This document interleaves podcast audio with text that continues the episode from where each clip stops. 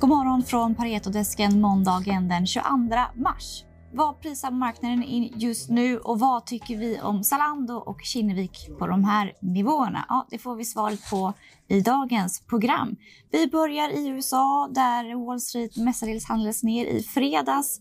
S&P 500 stängde på minus 0,1, Nasdaq plus 0,4 och Dow minus 0,7 procent. Och Wall Street stängde på minus för veckan. I fredag, fredags gick eh, Financials svagt. JP Morgan backade 2,5 procent, Wells Fargo 2,9 procent och Goldman Sachs minus 1,1 procent. Vi såg också att räntan fortsatte att röra om marknaden.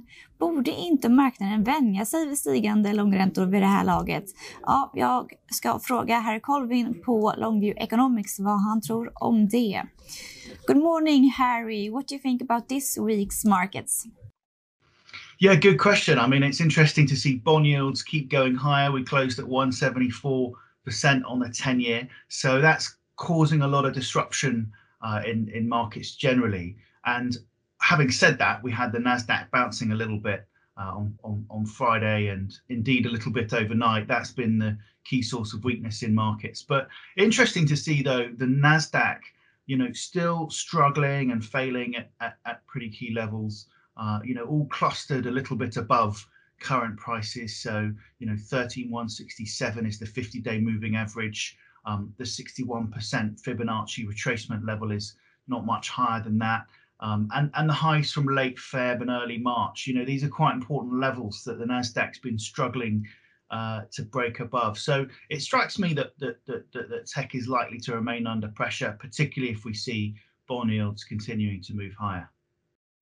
Shouldn't the markets uh, stop worrying about the interest rate by now? I mean, the 10 year old yield is still low and we see vaccinations going good.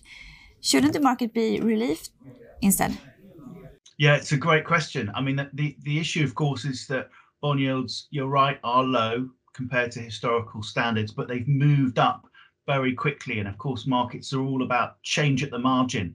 So we're talking about quite a quick uh, switch from um, you know expecting low or, or, or, no inflation to suddenly markets getting concerned about all the effect of all the money printing helicopter money essentially um, and the big increase in money supply and the risk that inflation comes back the risk that the fed needs to tighten policy so you know tighter liquidity is really what markets are worried about i would say also of course the growth areas of the market that deliver most of the gains and leadership over the past decade or so. Those those valuations, of course, are all based on long-term discount factors. So if those start going up, you undermine the very high valuation uh, that we that we see in tech. So yeah, all about change at the margin, all about fears around inflation and liquidity. And what do you say about uh, vaccination and those factors?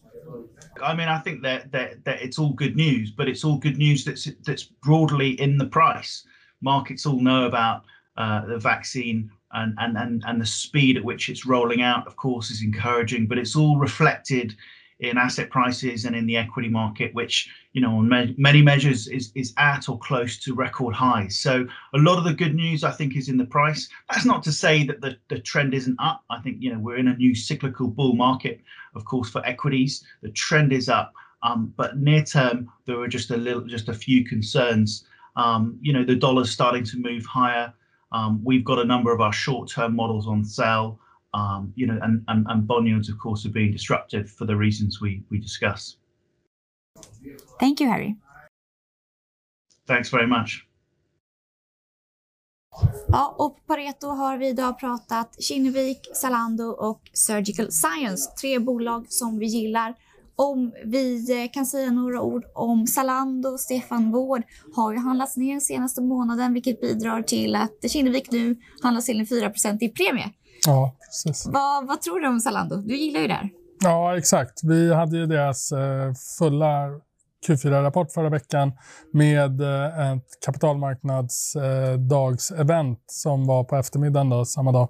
Eh, väldigt starkt budskap tycker vi, så vi har reviderat våra prognoser av och vår syn på Zalando på lite längre sikt, vilket resulterar i att vi höjer kursen till 120 euro från tidigare 114 fortsätter att vara ordentligt positiva till den aktien. Vi tror att det kommer vara en tillväxtstory och vara exponerade mot eh, kommande säkert 5-10 år. Eh, kommer vara extremt intressanta att, följa Zalando. Mm. Så nedstället nu vi har sett senaste månaden gör att det finns bra entry levels här då? Ja, exakt. För Zalando på egna ben så är det här en, en mycket intressant eh, opportunity som dyker upp i och med att eh, marknaden eh, räds överhänget från, från Kinneviks utskiftning av Zalando till deras aktieägare som man tror då ska sälja Zalando och sälja ner, ner mm. aktien på det. Så det ser vi som ett jättebra tillfälle att, att handla Zalando inför vad vi tror kommer vara ytterligare ett starkt år 2021. Mm, och Kinnevik då? Man kan ju handla Kinnevik-aktien och få Zalando på köpet ett tag till, eller? Ja, ja exakt, exakt. Och det har varit eh, intressant eh, senaste veckorna, men nu förra veckan sen, jag vet inte exakt vad, det kan ha varit lite den här nya styrelsen och lite annat, så har Kinnevik faktiskt eh, handlat upp och är nu på en premie. Då, så att mm. det caset är inte riktigt lika starkt som det var tidigare. Men visst, Eh, Kinnevik är stark på egna ben. Vi har en mm. riktkurs där på 475 och som sagt, vi gillar Zalando. Så det är ju inte alls eh, eh, negativt att köpa Kinnevik på de här nivåerna. Nej, vad, vad händer i övriga portföljinnehav hos Kinnevik just nu? Vad tänker du på? Um, Babylon och vad händer ja, exakt. i eh, Tele2 och de bolagen? Finns det mm. någonting spännande där att tillägga?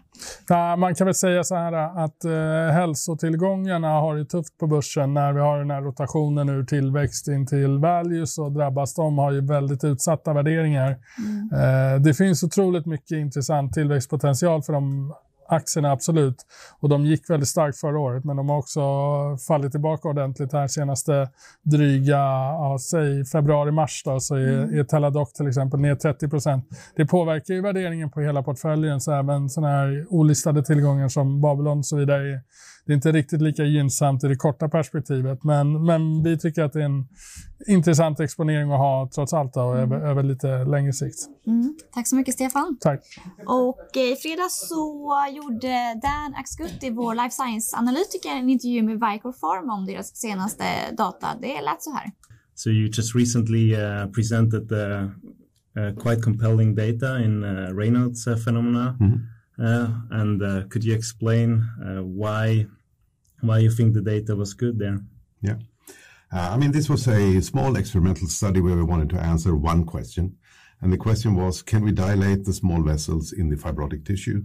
And the answer was yes. And we showed that in, in uh, the measure from zero to 15 minutes. And uh, we were very happy with these results because it means that we now have a second clinical validation of the angiotensin type 2 target, and the first one then being the positive data in the COVID trial. So I think we're now starting to believe that this is really an important target and, and we have a good drug.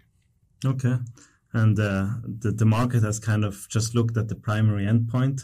Uh, mm. Could you explain why this in this kind of mechanistic, uh, more of a human model study uh, is uh, not important, and the important thing is is the effect that you wanted to see. Yeah, no, it's it's. Uh, I mean, primary endpoints are important for trials that you're going to. Uh, go to the authorities with uh, for a regulatory approval. So the phase three trials and primary endpoint is important because that is what's going to be in your label when, when you market and sell your drug. In early experimental trials, it, it isn't at all important. I mean, but still, you have to say that something should be the primary and something should be the secondary. And we we picked a primary that that was not met, um, but we picked also a secondary that was met and answered our question. So, so I think uh, I mean in early trials you you could just. Uh, uh, don't look at, at whether it's primary or secondary because it doesn't mean anything.